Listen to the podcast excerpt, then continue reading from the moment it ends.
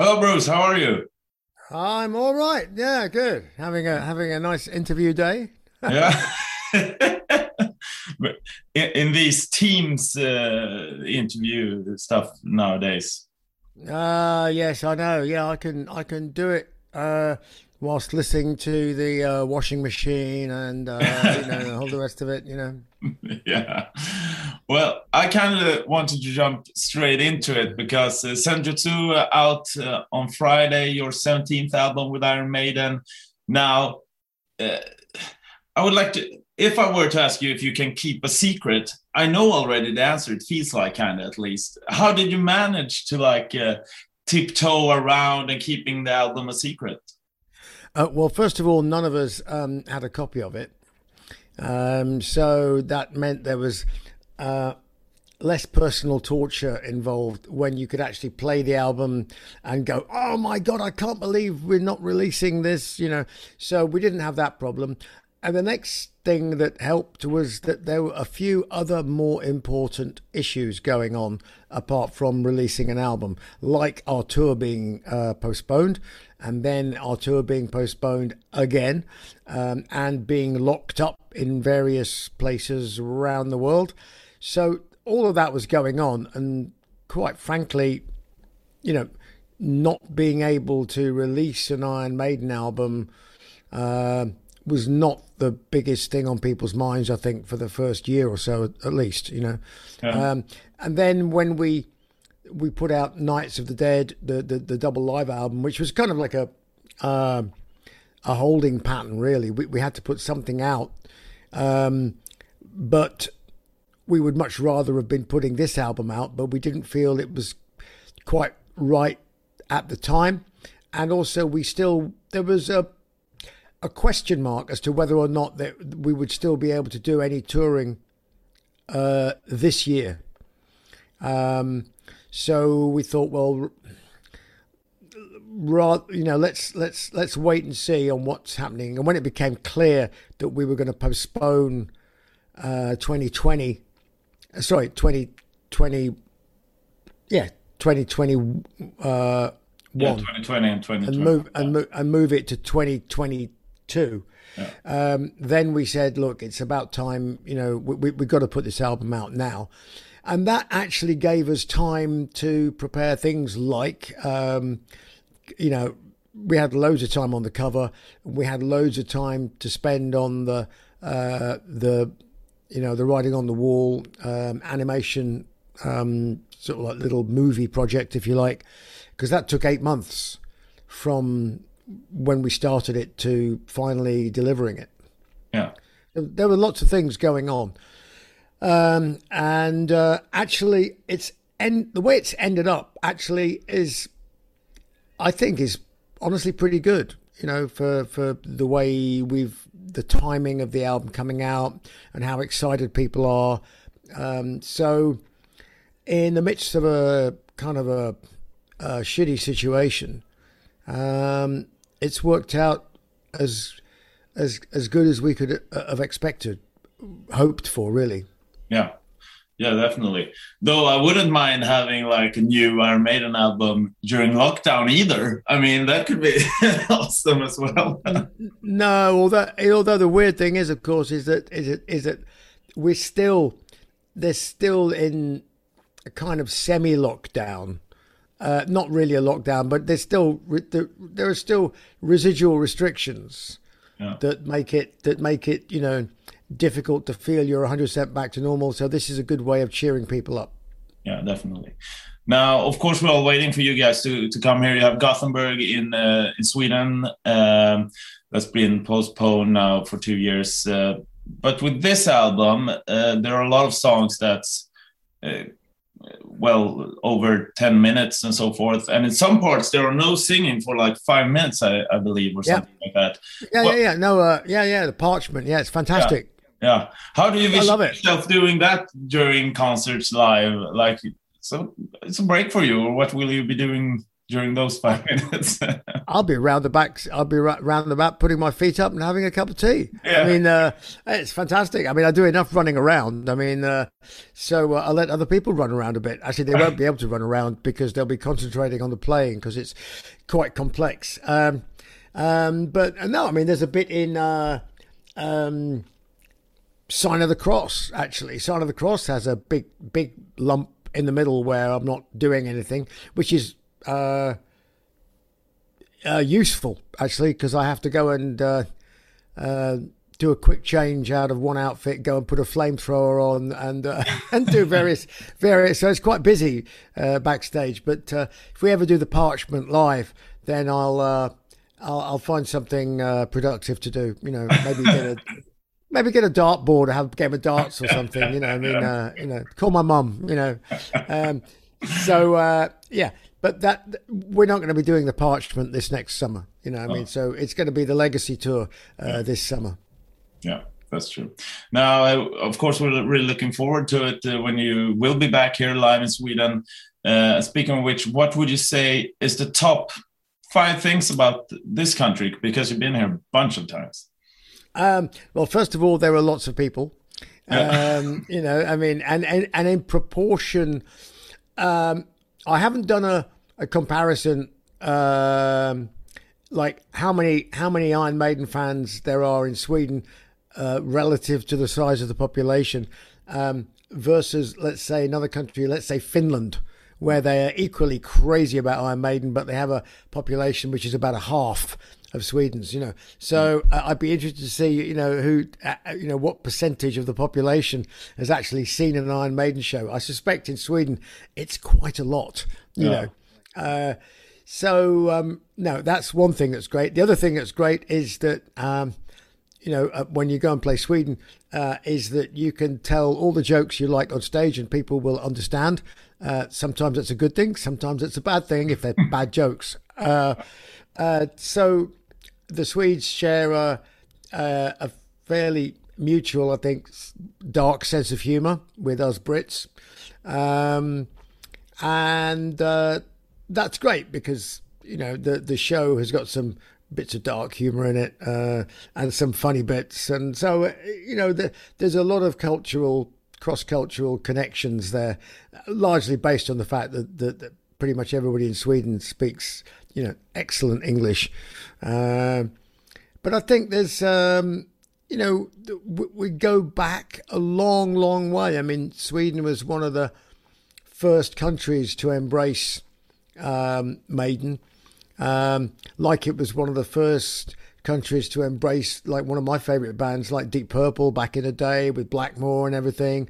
Uh, uh, so I think there's just something in the Swedish psyche, and I don't know why where they just love this kind of music. Yeah, I believe so. Uh, now, last time you were here, I think it was with the spoken word sessions uh, that you were in Sweden last time. Uh, yeah. And speaking of like funny jokes and stuff like that, um, me myself, I love these like fun facts or weird facts that you know, but you don't know really why you know it. Like a yeah. pig's orgasm is thirty minutes long. Uh, whoa, whoa, whoa. yeah. pig? Yeah, no pig's, kidding. Wow. Oh, that that raises a whole load of problems yeah. about questions about, and problems. well, yeah, yeah, the raises a lot of questions about reincarnation, doesn't it? yeah. What would you like to come back as? I'd like to come back as a pig, but in a vegetarian country. yeah, exactly. now, now I wanted to ask you because I believe you're you're the guy to ask this. Uh, what's your favorite like uh, weird fact that you know or fun fact, so to speak? Um. Wow, you've really put me on the spot there because my brain is not in fun fact, weird fact, uh, uh, mode. Um, at the moment, I'll have to. Uh, uh, I'll have to get my subconscious working on that. I might think of one by the end of the interview. Go All right. yeah, yeah, yeah, yeah. Uh, but then, then, uh because uh, we're having a Maiden weekend this uh, weekend, of course, uh, on Rockklassiker uh, where we're gonna play uh, yeah the new songs and old songs and doing like a celebration of the new album, of course. Uh, and if if I ask you, if you like have to think back and pick one song from all the albums, which one are the one that you like like like the most to perform live? If we talk live. oh, uh, okay. Uh, that again is, is is an impossible that's an impossible question. It's like sophie's choice. It's like which one of your children do you want to throw out of the balloon? Um, you know um, um, there are some songs i really love to perform. Um, i mean revelations is one of them. Um, and there are some songs which we haven't performed for a long time, which I would love to perform. Um, funny enough, some of the stuff of Killers, um, um, and um, I mean, like stuff like Murders in the Rue Morgue, um, and and you know, I, I'd love to do that song again uh, live. Haven't done it for years, uh, so yeah, stuff like that. But you know, I mean, Wicker Man's cool. I mean, I used to, I actually really like Rainmaker as well. Um, let me see, there's some other stuff. Uh, um, Afraid to Shoot Strangers, um, that's always a great one. Um, it'd be lovely to play Infinite Dreams again. Actually, be cool to play the whole up Seventh Son of a Seventh Son. That track, awesome track, you know. So yeah, there's a whole load, you know. So just get me started, you know. Yeah, that's why we need an Iron Maiden weekend this weekend. Oh, yeah. uh, sad news last week though. Uh, we had like a memorial for Charlie Watts as well uh, during the weekend and played a full weekend of Stone songs, of course. Yeah. Uh, we also had like a lot of drummers uh, pitching in on what they, uh, he meant for them. if I ask you, what would you like to say about Charlie? well, he he was. Um, I think it was either Ringo Starr said, you know, he, I think I think it was Ringo said something about he was just like, you know, like the world's best timekeeper. And the great thing about Charlie Watts was that he was basically essentially a jazz drummer. So so he did he just had this this feel that um, you you always felt he was leaving something out. Yeah. There was, because it, because because he was ne- obviously never a, like a, a busy, flamboyant drummer, but you always felt he was so in control and so on it that you felt that at any moment he could have ripped into some like bush thing, but he never ever does. It's awesome, you know. I mean, it, just that level of control and economy um, is uh, some of the most difficult drumming to do. Uh, it's the same thing with you know uh, not the same exactly, but a drummer like Phil Rudd from um, AC/DC, you know, you know, just straight four, straight four on the floor, you know, with Phil Rudd, and and there's just like loads of people copy that, but nobody does it like him. Um, it, it, it, he's not a metronome. He's not a machine. it's just it just moves ever so slightly, but just enough, and that's a great drummer. Um, and Charlie Watts was um, a great drummer, and you know, obviously his his legacy proves that that that you know he still is a great drummer, even though he's passed away. Bless him. Yeah. Uh, now, on this Friday, when people sit down with this uh, album uh, and uh, kind of setting the scene, if I were to like uh, stand in the room next to them and say, "Hey, first, uh, Bruce uh, Dickinson needs to say uh, say a few words before you listen to this album." What would you say to those people? Um, to set um, the scene, kind of, for the album when they sit down for eighty minutes of epic Iron Maiden. uh, I'd say uh, get yourself a really good pair of headphones, um, and uh, just sit in a sit in a comfy armchair and have a, a, a you know an array of um, of uh, legal drugs on on hand. You know, like caffeine, alcohol, and water. You know, and just choose from time to time whether you want to have a drink of beer or whether you want to have a, a shot or whether you just need like a quadruple espresso. You know, um, and, uh, and and and crack on your crack your way through it. You know, because by the end of it you'll be tripping. Yeah. That's good final words for that. Uh, uh, lastly, uh, you've experienced a lot, Bruce, um, during this pandemic. Though, uh, has, have you like experienced something that changed you or gotten you to realize something during these? Well, should we say two years? Um, I always thought that it was really important um, that that that you you run around like a maniac all the time, um, doing things, and um, being locked down and not doing that for a while, um, I kind of remembered that actually it's quite nice not doing that.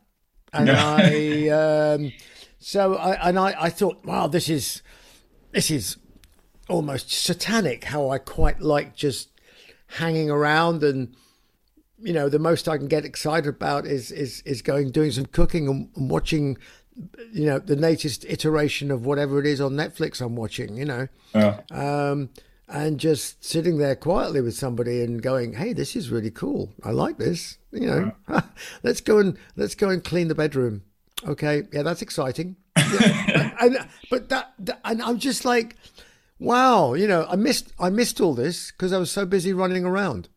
So I, I am looking forward to running around. Uh, I'm looking forward to running around with a purpose with with Iron Maiden, but uh, I'm not going to be running around quite as much as I used to just for the sake of it. Yeah. Yeah. Well, you uh, have a proper uh, not running around now, and then we'll see you on tour hopefully pretty soon. Oh, I'll certainly be running around on tour, that's for sure. yeah. All right. Thank you for your time, Bruce. Thanks, man.